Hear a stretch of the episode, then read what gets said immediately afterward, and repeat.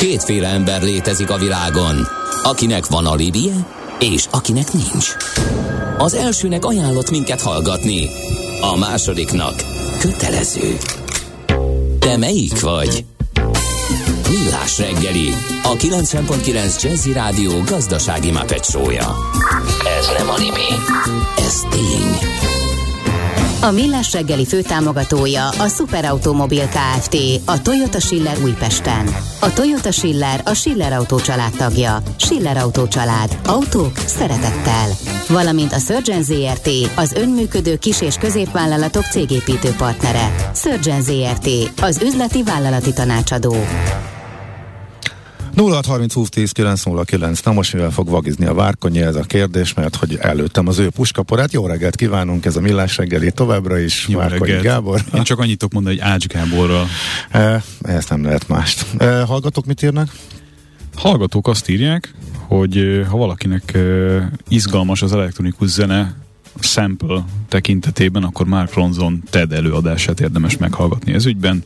Kíváncsi is lennék, Ehhez- ő azért tud valamit. Ehhez tudok csatlakozni abszolút, illetve még egy dolgot hozzátennék, ha valaki szeret elmerülni abban, hogy honnan ered bizonyos ö, sláger, amiről azt gondolta, hogy az akkor történt, amikor meg, megírták, annak a Who Sampled nevű oldalt ö, tudom ajánlani nagy szeretettel, mert hogy ott bármilyen Aha. zenét beírsz, és mindenről meg fogják írni, hogy hol fordult elő, ki írta meg először, mely szekvencia van kivéve egy-egy számból. És mi lett a 99%-ban történet. kiderül, hogy sokkal-sokkal korábban, mint te gondolnád. De, de hogyha gondolsz valamire, akkor még annál is korábban. Budapest legfrissebb közlekedési hírei, itt a 90.9 jazz Hát továbbra is a Margit körút lassú nagyon. Ott Gábor említette, hogy Útfelbontás, Útfelbontás a bevásárlóközpont felé a Margit híd felől. Viszont az egy órával ezelőttihez képest megszűnt a torlódás az m 0 gyűrűn, úgyhogy mindenhol, illetve na, nem, nem szűnt meg, bocsánat, a vecsésnél ott továbbra is fönnmarad, tehát az M1-es, M7-es felé vezető oldalon, csak odébb ment. Azt írta még egy órával ezelőtt a hallgató, hogy az egyik autó a leállósávban, nem bocsánat, egy két koccanás volt, és az egyik a leállósávban, a másik a belsőben. Hát nem tudom, hogy egy óra alatt azóta. Valószínűleg az egyik már egyik, Egyik javult a helyzet, viszont ami a vecsés mellett van, az M4-es uh, csomópontja környékén, az még tovább él, tehát ott, ott lassulásra érdemes továbbra is számolni.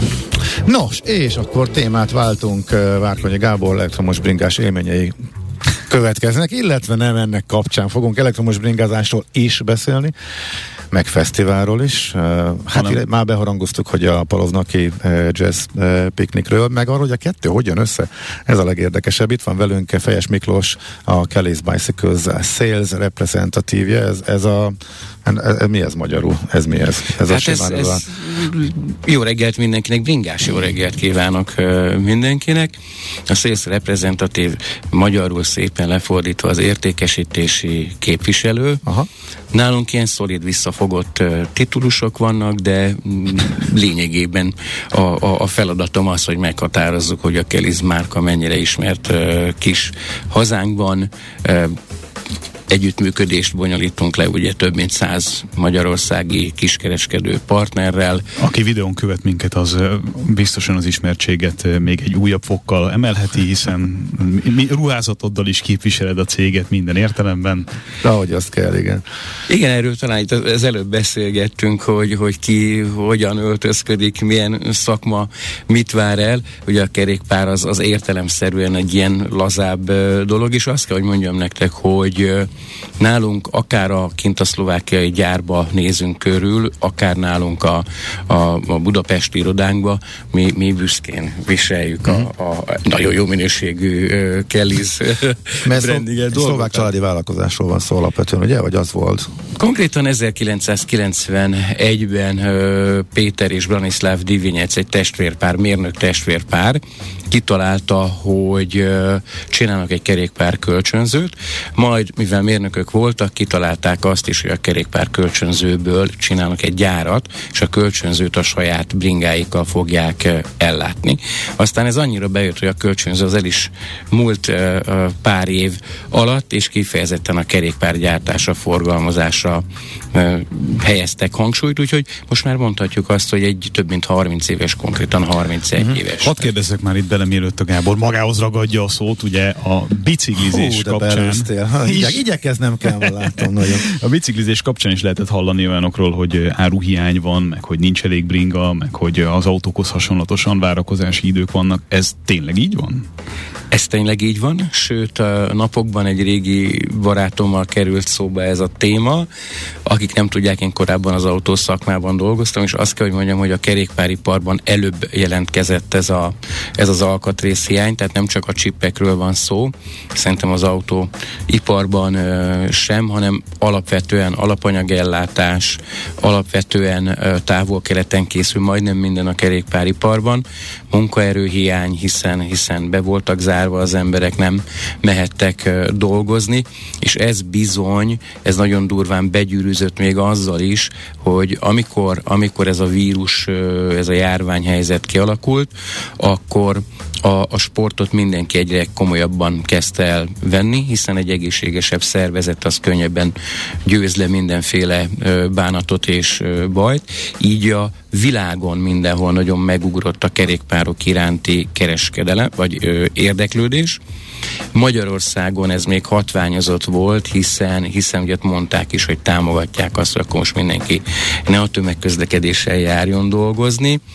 Úgyhogy úgy, hogy mondhatom azt, hogy jelenleg még mindig küzdünk, a, a, a beszállítói háttér nem tud elég alkatrészt ö, gyártani, de azért próbáljuk felvenni a, a ritmust és visszatérni. Ez, ez árban is ugyanakkor a növekedést jelentett, mint sok minden más iparágban? Tehát a, a bringák is megdrágultak, és ezt el is fogadták az ügyfelek, vagy ugyanott tartunk nagyjából? Csak kevesebb a bringa, ami elérhető? Igazából, igazából egyrészt megtanulták a kerékpárkereskedők uh, úgy eladni a kerékpárt, hogy nem adtak hozzá automatikusan kedvezményt.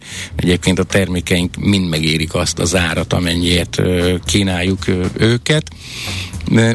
Más oldalról pedig sajnos a, a jelenlegi gazdasági helyzet az, az, az nem ad más lehetőséget és teret, mint hogy a kerékpárok uh-huh. ára is emelkedjen. Mi azért a Kelly's kerékpárnál próbálunk arra figyelni, hogy a lehető legtöbb külső tényezőt kizárva viszonylag hosszú ideig ö, tartani a, a, az árainkat. Idén eddig egyetlen egy áremelés volt a kerékpárok tekintetében nálunk. Ah, de nyilván kikerülhetetlen, mert olyan durván mennek fel a költségek, hogy ez e, érthető. E, és itt van akkor velünk Sántó, Sánta Dániel, a Paloznaki Jazz Picnic Fesztivál igazgató helyettese is. E, üdvözlünk téged, és mindjárt meg kiderül a kapcsolat a bringázás és a Jazz Picnic között. Jubileumi, tizedik, jól emlékszem? Igen, igen, én is üdvözlök mindenkit.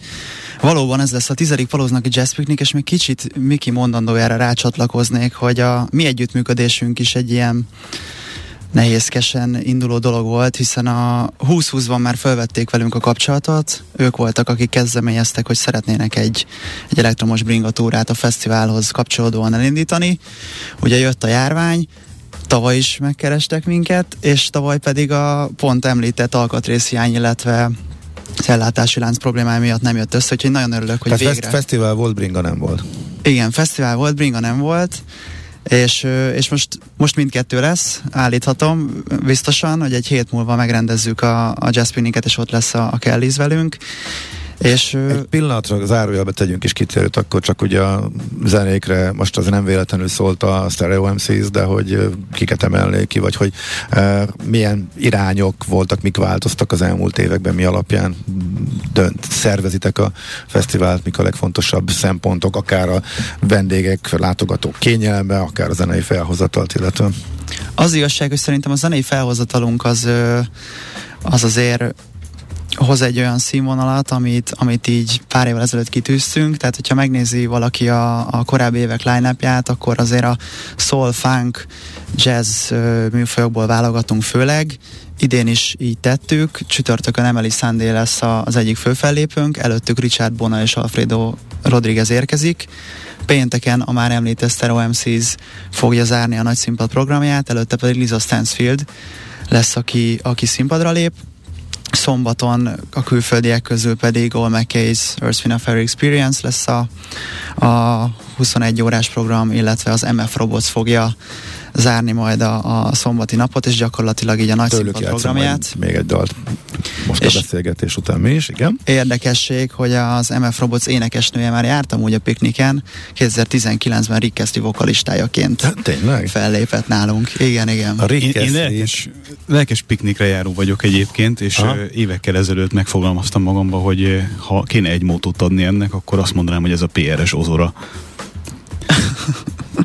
Mert hogy... Mert? Hát mert annyira egy egy jól definiálható réteg az, aki ott van, e, és, és jellemzően van köze ez az egész szakmához, tehát a médiás, e, PRS, nem Igen. tudom. Nagyon, nagyon. Nem, ez, nagyon. ez egy ilyen all gálát látok gyakorlatilag a saját szakmánkból a, a, az ott e, lévő közönségben, és egy annyira... Szóval egy, értem, szóval túl sok ismerőssel találkozol, nem tudsz elbújni. Minden második ember, aki szembe jön, az köszön gyakorlatilag, vagy én köszönök minden második embernek, attól függ, honnan nézzük, és az egész egy ilyen nagyon családias, nagyon kompakt, nagyon kulturált. Eh, hogyha már valaki kinőtt ebből a korábban már említett eh, fesztiválozásból egy, és egy kicsit ebbe a eh, chilled verzióba akarja ezt végigcsinálni, akkor ennek nagyon tudom ajánlani. Ez nem légből kapott, az, az igazság, hogy mi is ezt érezzük, és azért lesz idén nagy találkozások, nagy színpadunk, így neveztük el, mert hogy mindenkitől ezt a visszajelzést kapjuk, hogy lejönnek a piknikre, és a nem látott barátokat, ismerősöket, kollégákat ö, ott, ott, ott találkoznak velük. Tehát, hogy, így, hogy egy kicsit egy ilyen, tényleg, ahogy említetted, ilyen családias Aha. dolog. Egyébként csak aztán a... ez egy jó nagy család lett most az elmúlt évek során. Ez a szállás, meg, meg az ott lét, meg a parkolás, meg ilyenek, ezt mennyire tudtátok egy picit szé, széjelebb húzni, hogy úgy mondjam. Mert hogy ez, ez, tehát a helyszín az egy picit azért ilyen értelemben jó is, hogy kompakt, de, de megvan ez a hátrány, hogy azért ott sorba kell állni, hogy hogyha parkolni akarunk, van, ki kell találni, van. hogy hogy jutunk oda, tehát ez egy, még ez része a felkészülésnek, meg a hangulatnak. Igen, ezzel minden évben megküzdünk, azért Paloznak egy 500 lakosú falu, és a nagy színpad nézőtere 8000 embert tud befogadni, szóval hogy érezzétek az arányokat. A parkolásban szerintem abszolút próbálunk fejleszteni, és, és több helyet kijelölni, hogy, hogy olajozottabb legyen. A szállás kapcsán igazából nem tudunk túl sok mindent tenni, mert a Balaton így is nagyon telített, nyilván főszezon van, viszont ö, ilyen piknikbuszokat indítunk már évek óta, nem volt még soha ennyi buszunk, idén 8 buszt is indítunk, tehát akár Veszprémből is, aki Veszprémben száll meg, föl tud szállni a piknikbuszra, uh-huh. 20 perc alatt ott van a rendezvényen, ugyanúgy hazaviszi a busz, de ez időközönként jár, vagy egyszer-kétszer jár, vagy az hogy kell elképzelni? Ez így a fesztivál előtt, ahogy nyitás előtt folyamatosan, illetve zárást követően is legalább négy-ötször megfordulnak a buszok, ha. Füret felé, Almádi felé, szóval így próbálunk meg ezen a szállásproblémán mhm. segíteni. A bringánál fölmerült az alkatrészhiány, eh, meg hogy egyáltalán nehéz, meg az áremelkedés, eh, meg tényleg a bellátási lánc nehézségei. E, ugyanakkor a repülésben pedig pont azt látjuk, hogy a nagy visszajövetelben kevés lett a munkaerő. Ilyen a rendezvényszervezésben, vagy egész egyszerűen mondjuk fesztiváloknál nincsen, hogy elmentek a technikusok, a háttérszemélyzet, akik nagyon-nagyon nagy gondban voltak, és most viszont olyan irgalmatlan, tehát nincs ugyanaz a jelenség, mint a, a repülésben, hogy, a, hogy kevés lett, aki a színpadokat tudja építeni, illetve üzemeltetni. Egyszerre megy rengeteg fesztivál, ezt hogy kezelitek, ha van ilyen? Legjobb szemléltető példa szerint szerintem az, hogy sose kezdtük el ilyen korán építeni a rendezvényt, konkrétan három héttel a rendezvény előtt már megjelentek a faházak, illetve a dobogók, uh-huh. azért, mert a, az alvállalkozók azt mondták, hogy nagyon kevés az ember, ezért nagyon sokáig kell kevés embernek építenie. Aha. Tehát, hogy így, így tudjuk ezt a problémát áthidalni, hogy, hogy három hétig épül egy ekkora fesztivál, ami valószínűleg a sziget szervezőinek kicsit ilyen megmosolyogtató lehet, hogy, hogy egy ekkora, ekkora rendezvényt ilyen sokáig kell építeni. Nincs ember sajnos, tehát nagyon maréknyi csapat maradt. És a bontás is ugyanez? A bontás is valószínűleg igen, ugyanez lesz, hogy nyilván az egy, az egy egyszerűbb történet, mert ott nem kell nagyon méricskélni, hogy mi hova megy, de, de hosszabb lesz a, a bontás. A kiosztáson változtattatok az elmúlt évekhez képest?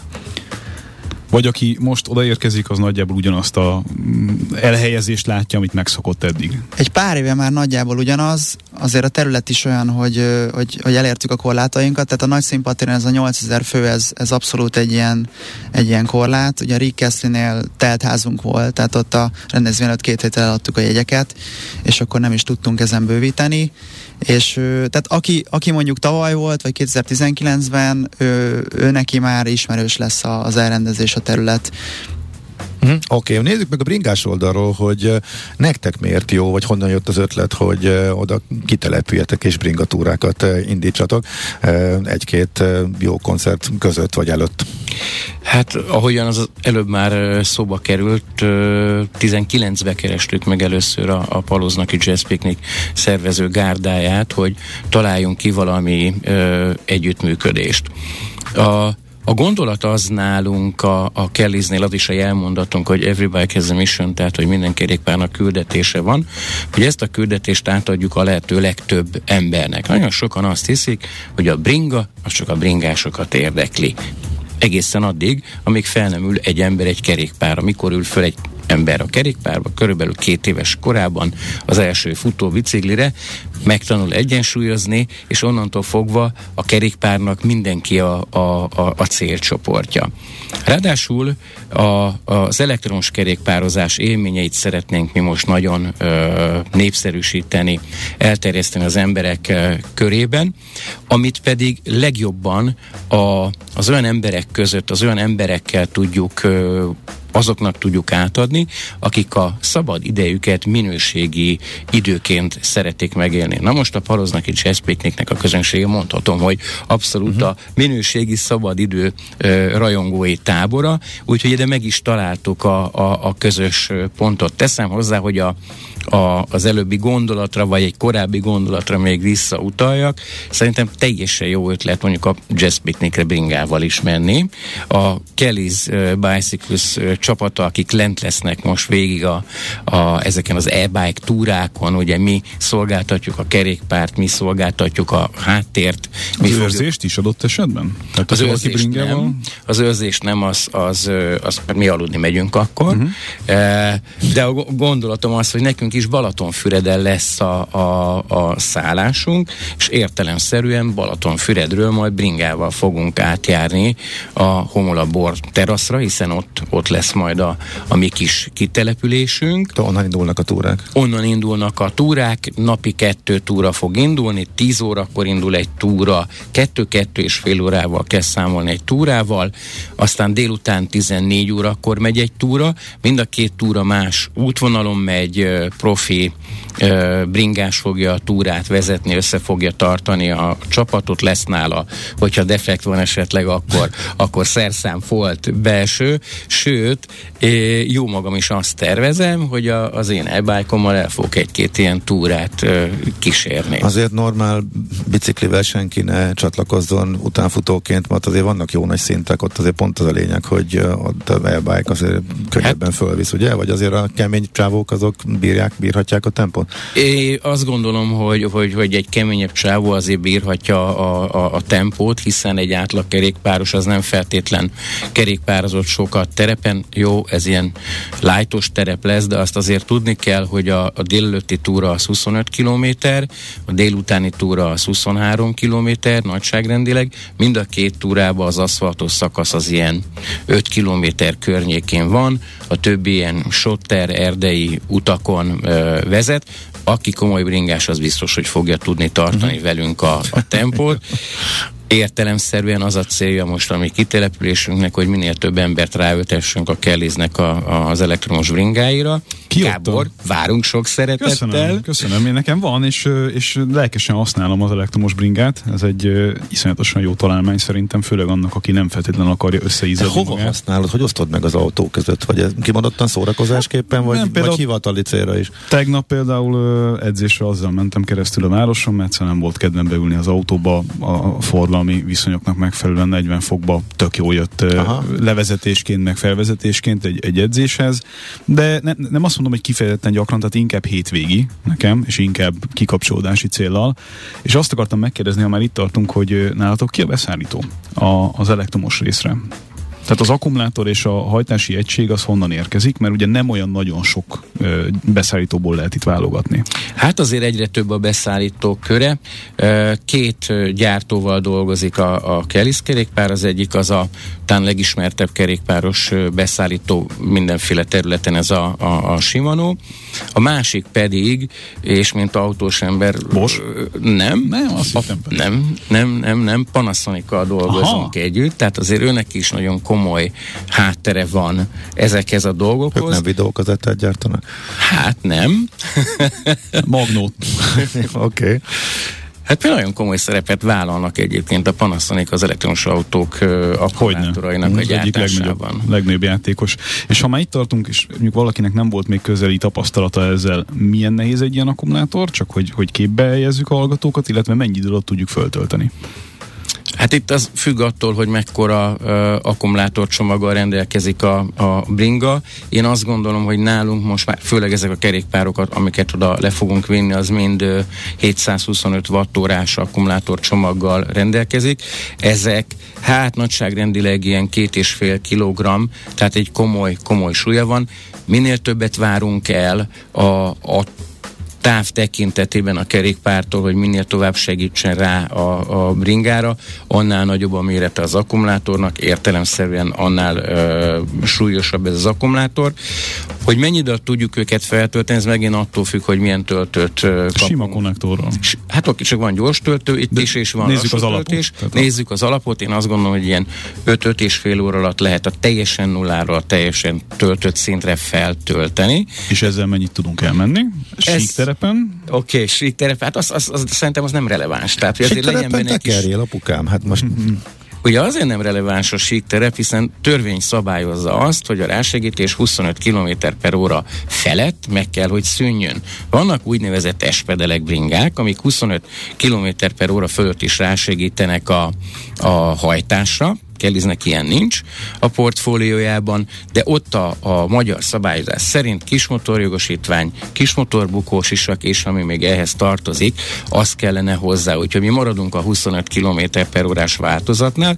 Síkon, hogyha valaki jó erőlétben van, akkor simán többet teker ennél a sebességnél, és ott azonnal elveszi a kerékpára rásegítést. Úgyhogy azért mondom, hogy inkább egy kis emelkedőt vegyünk bele, kiváló környezet palóznak, illetve a homola bort terasz, ahonnan majd indulnak a, a, a, a túráink.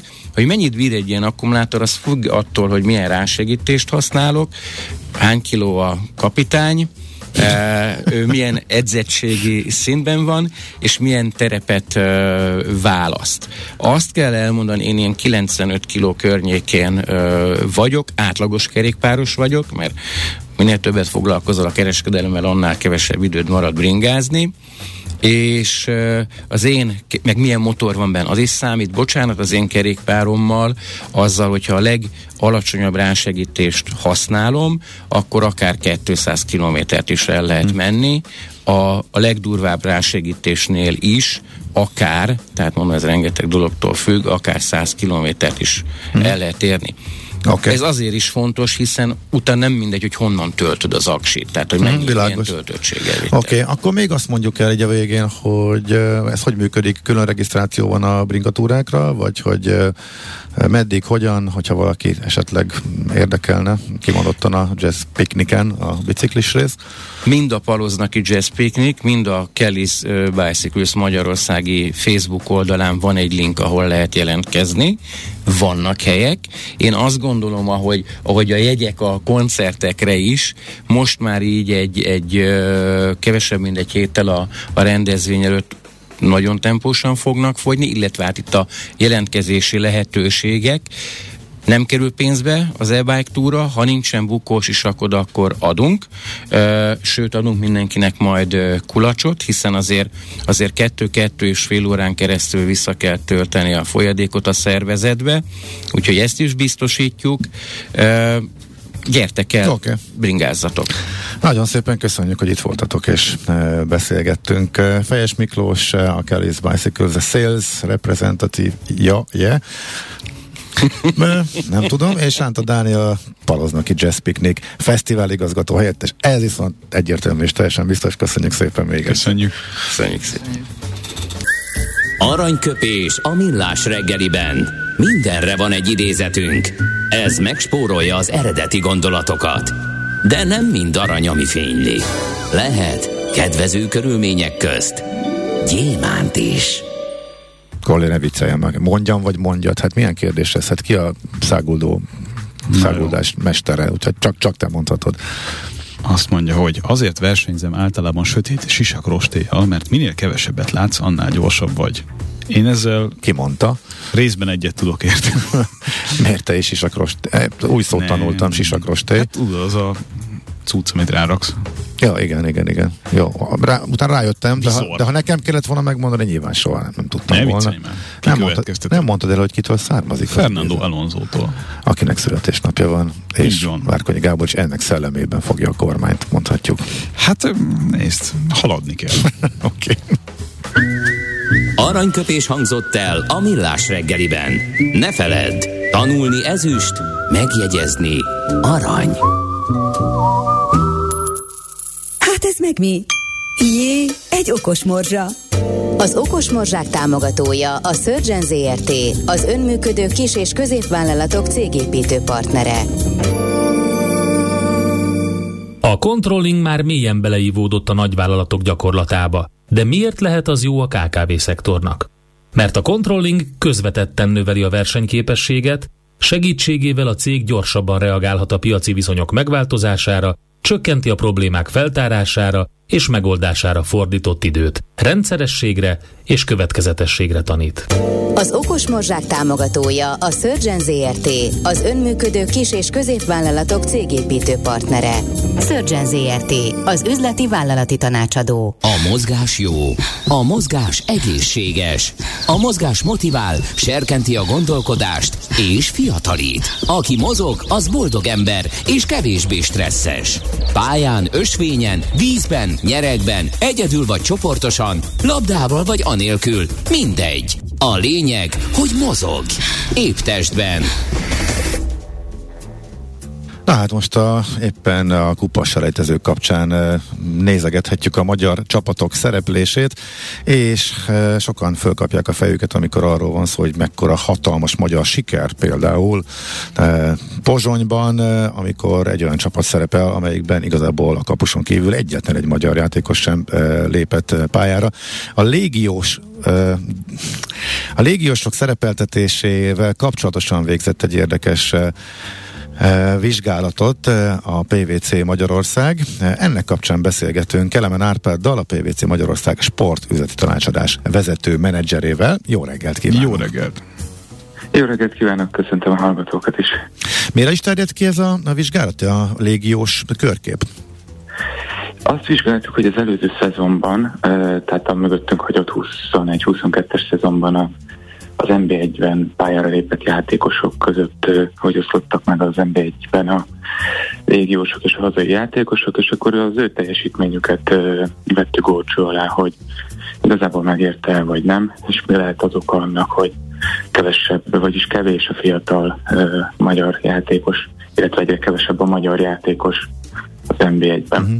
Először szerintem érdemes a szabályokon végigfutnunk, mert azt talán kevesen tudják, hogy e, hányan szerepelhetnek az NB1-ben, légiósok, mi a helyzet az NB2-ben, mert a kettő szorosan összefügg.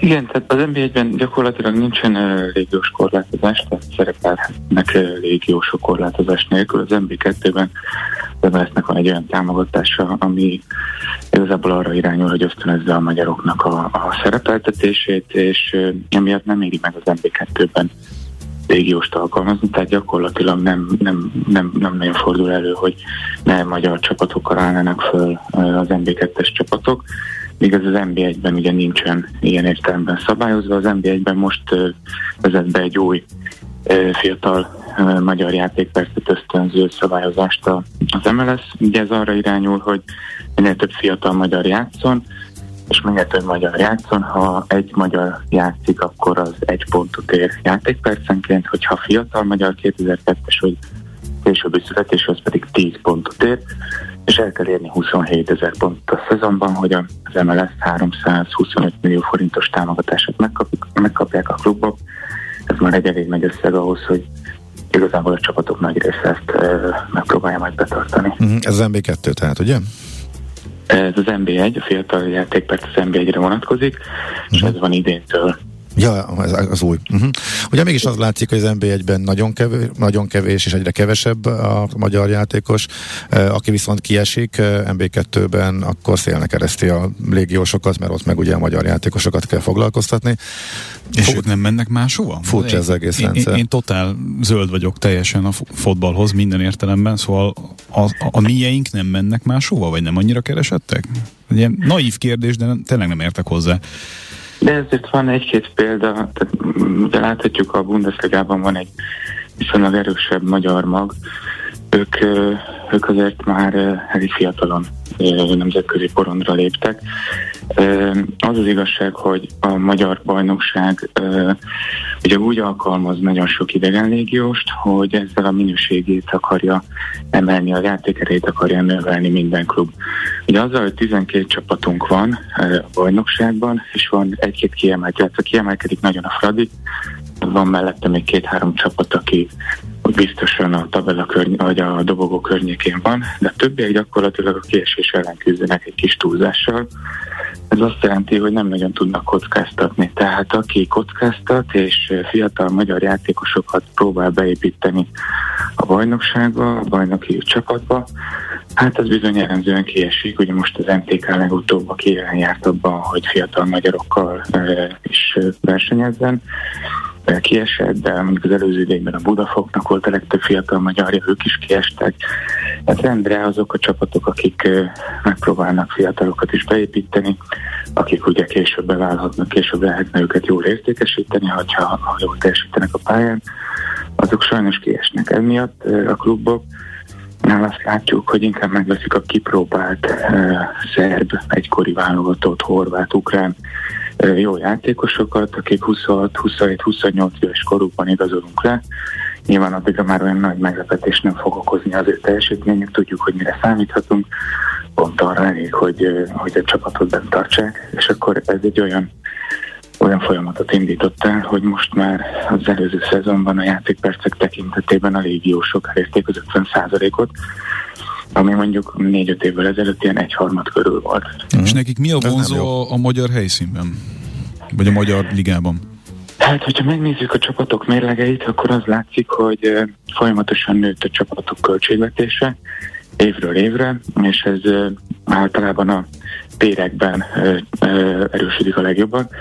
Tehát nálunk olyan kiemelt nyavadalmazásban részesülnek ezek a játékosok, amit más ligákban hasonló teljesítménnyel valószínűleg nem érhetnének el. Ráadásul nálunk az van, hogy fixen a fizetésnapon jön a pénz, nem fordul elő, mint akár mondjuk téli szomszédainknál, hogy ebben, ebben késlekedés probléma legyen, nagyon jó az infrastruktúra, Budapest egy nagyon élhető város, tehát igazából ez egy nagyon vonzó környezet azoknak a játékosoknak, akik a hozzánk hasonló mm. bajnokságba tudnának menni, de sokkal jobb jönni, mert ez egy biztosabb mm. megérhetés. Akkor ez a része egyértelmű. Viszont az, hogy a magyarok kiszorulása, az viszont egy kedvezőtlen folyamat, hogy mit tesznek ellene, illetve hogy azt is megnézték, hogy összességében ezzel a, a színvonal nőtte illetve jó a, a, a bajnokság színvonalának, hogy a légiósok előre törtek.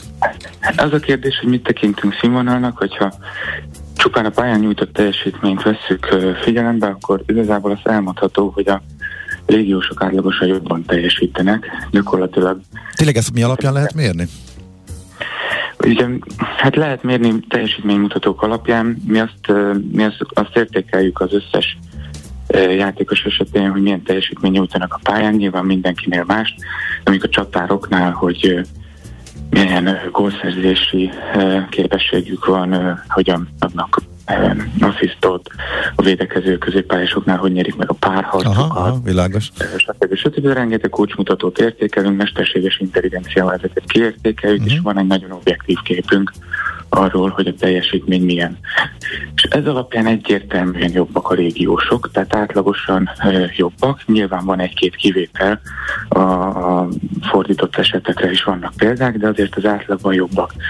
De ugye ha azt veszük a, alapul, hogy ez mennyi nézőt vonz, vagy milyen a, az, a mi átigazolási politikánk. Tehát például, hogyha délre vagy, vagy nyugatra, vagy bármelyre indulunk szinte a, a világban, akkor azt látjuk, hogy más bajnokságok csapatai tudnak top ligákba értékesíteni játékosokat, és a saját ügyes kinevelt fiataljaikra, aki egyszer majd a Real Madridban mutatkozhat be, vagy egy Premier League csapatban, arra a nézők is kíváncsiabbak.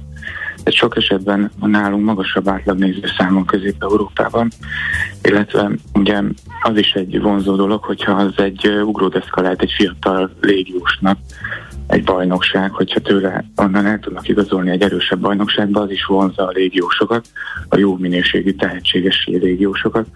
Ezek is növelhetik a, a bajnokságnak a minőségét. Mm. Nem köz kevésbé jellemző, csak a Fradi, aki igazi ugródeszka, illetve van egy-két kivétel, mondjuk a Bancsa talán az MTK-ból ugye jó helyre ment, és még benne van a potenciál, hogy akár egyszer majd a Premier League-be is bemutatkozhat majd, de de ez egy-két ilyen példát leszámítva nincs, nincs nem jellemző. Uh-huh. Hogyha irgalmatlan pénzek, állami pénzek vándorolnak a, a fociba, és még sincsenek magyar játékosok az élvonalba, és ilyen rosszak a mutatók, akkor valószínűleg vala rendszerrel van valami probléma. Hogyan lehetne megváltoztatni, hogy ez ne legyen ennyire légió túlsúlyos, hogy ne váljon, hogy a trend ne folytatódjon tovább az élvonalban? Én igazából nem, nem sütélteznék, hogy most ez rossz vagy nem rossz. Ugye az a kérdés, hogy mi a cél. Hogyha azt szeretnénk, hogy legyen egy jó minőségű termékünk, ami az NB1 sok nézőt vonz, igazából közel, közelít a fenntarthatósághoz, és tényleg az egy szórakoztató élmény, uh-huh. akkor azt nem biztos, hogy csak magyarokkal kell megoldani, mert ezt én nem, nem, nem akarom ezt állítani. Uh-huh. Persze sokan gondolják, hogy szívesebben nézik a helyi magyarokat a, a nézők is, és ez is egy jó dolog ezt, ezt meg kell vizsgálni. Ugye az szokott kérdés lenni, hogy miért akarjuk a magyarokat beépíteni, jellemzően a válogatott érdekeit is szolgálhatná, hogyha ugye minél több magyar kap lehetőséget. Igazából ez is több szempontból vizsgálandó kérdés, hogy vajon az jobb nekünk, hogy a válogatottunk magja az a Bundesligába játszik, vagy ha ők minden nap hétről hétre az emberbe pallórozjonnának, akkor is el tudnák érni ezt a teljesítményt. Szóval ez se egy fekete-fehér kérdés, nem biztos, hogy baj, hogyha a legjobb magyarok külföldi bajnokságokban edződnek. Ezt, ezt kellene eldönteni, hogy mi a célunk a bajnoksággal. De az biztos, hogy amíg 12 csapat van, és a csapatok nagy része napról napra, meccsről meccsről próbálja megoldani azt, hogy a lehető legtöbb pontot szerező ki lehessen, mert ugye ha kiesik, akkor mi történik? El kell engedni a légiósait. Le van egy egy-két-három éves szerződése, itt ki kell fizetni a béreket. Ez akár 100-200 milliós veszteséget okozhat egy klubnak. A másodosztályban nem nagyon jár ki már annyira a néző, nem viszi ki az apa a fiát, előbb-utóbb egy generáció kikopik. A szponzorokat se annyira vonza egy másodosztályú csapat, tehát anyagi csőd tud lenni, hogyha csak a piaci alapú bevételeket figyeljük, hogy valaki kiesik az MB kettőbe, ezért foggal körömmel próbálják elkerülni a csapatok, és amiért nem egy stratégiai építkezés van, nem egy olyan játékos politikát alkalmaznak, ami, ami hosszú távon egyre erősebbé tenni az egész bajnokságot, hanem próbálják megoldani a helyzetet. Megfelelő meccsre napról napra, és ehhez hozzák az olyan légiósokat, akik 27-28 évesen már akár egyszer-kétszer válogatottban is voltak Szerbiában, hát ő benne nem nagyon fognak csalódni, mert hoz egy olyan stabil szintet, ami kb. tudja tartani. Ez szerintem igazából a kulcskérdés. Mm. Oké, okay, világos. Hát nagyon szépen köszönjük, hogy átbeszéljük, jobban értjük azt, hogy miért van ilyen sok légiós az NB1-ben, itt az arányuk miért nő az elmúlt években folyamatosan, mert kíváncsian várjuk a fejleményeket. Nagyon szépen köszönjük a beszélgetést, köszönjük. szép napot! Köszönöm szépen, szép napot! Viszont hallásra! Kelemen Árpád volt a beszélgető társunk, a PVC Magyarország sport üzleti tanácsadás vezető menedzsere. Épp testben. A millás reggeli mozgáskultúra rovata hangzott el. Ne feledd, aki mozog, az boldog ember. Na, mit írnak a hallgatók? Nagyon bambusz a monitor. Jaj, nagyon tetszik, hogy valaki küldött nekünk egy képet az Euro Woodstock napi egyről. Ugye Diák sziget. Ja, az még a sziget eleje. 1994. augusztus 18-25. Jegyár? Egy, na, egy napi egy? Aha. 200 forint. 300. Ah. Majdnem. Majdnem. Jó, figyelj. 50% ot tévedtem. Hát az Ja, az, az nem semmi. 94 és megvan valakinek. Nagyon jó. Sőt, ha 300-ból indulunk ki lefele, akkor csak 33 Azt írják még neked, hogy Várjál, bocsánat, igen, itt van. A kapus mellett Botka Endre és Vécsei Bálint is pályára lépett Pozsonyban, nem sok, de az eredeti ír nem volt korrekt. Ó, bocsánat, elnézést kérünk mindenkitől. Odavágón, ott talán meg senki, de lényeg azt örülünk, hogy akkor őket sikerült becserélni, de az a szerencse, hogy Dibusz Dénes ennyire jól véd, és legalább kapusposzton. Te tudod ezeket nem a neveket? Hát néhányat. Ilyen szertágazó az érdeklődésed a magyar fotball iránt? Ö, nem. De hogy a gyerekeim felvilágosítanak, és értem, tőlük sok információt kapok. Ők lelkesen nézik egyébként. Jó. Hát nem mindegyik, de vannak, akik én, én ezt rá vannak csavarodva. Tényleg uh, csodálattal néztem, mert egyébként szerintem... Gyerekiradó, az nagyon hasznos. Igen. Ha ez valakit tényleg nagyon mozgat és érdekel, akkor egy igazán remek program. Szerintem. De nézd, ugyanez fölmerül egyébként, ugye azért is pontosan gondolkodtam, hogy mondjuk a kézilabdában hasonló a háttere annak, hogy uh, igazából a legjobb csapatokban már teljesen kiszorultak a magyarok. Uh, De hát azért az általánosan erősebbnek vagy pedig. Persze, tehát nyilván az egy európai szintű és más, de hogy ott is szabályozás ennyire sok fontos szerepet játszik abban, hogy a klubokat. A klubok a szabályozás értelmében meg így, ahogy elhangzott, teljesen logikus, hogy mennek ebbe az irányba, hogy ha mást akarna az állam, akkor máshogy kellene szabályozni, mint az kiderült az előző beszélgetésben. Közben megoszlik eh, az SMS írók között az, hogy jó vagy vagy nem jó általánosan a magyar foci fejlődésére nézve a légiósoknak a, uh-huh. az elszabaduló aránya. Én, én csak a józan paraszti eszemet használva abszolút még egyszer mondom, nem ismerve ezt a közeget, de e, nyilván erősen attól függően e, tudnék ebben bármit mondani, hogy, hogy milyen minőségű légiósok jönnek, mert hogyha az van, amit e, ugye említettek itt a PVC-s e, elemzés kapcsán, hogy ide igazából kényelemből jönnek, mert kicsit így merném összefoglalni azt, amit hallottunk, akkor nyilván nem biztos, hogy ez viszi előre a dolgokat. Hmm. Igen, tehát ezért ez egy torszpiac, akárhogy is nézzük. A szabályozás is nagyon furcsa, meg az, hogy e, mindenhol ide lehet szipkázni, mert az állam e, annyi pénzt rak bele. Ez megint nyilván vitatható. Igen. Na jó. Iráig jutottunk, de jobban értjük, ez teljesen egyértelmű. Mindjárt jönnek ismét a hírek, aztán pedig, hát péntek van, úgyhogy majd jön az Ácsiz de hát... Na, szóval segítek, ma, ma, az Ácsiz jön. Igen, az is, úgyhogy ezzel folytatjuk majd.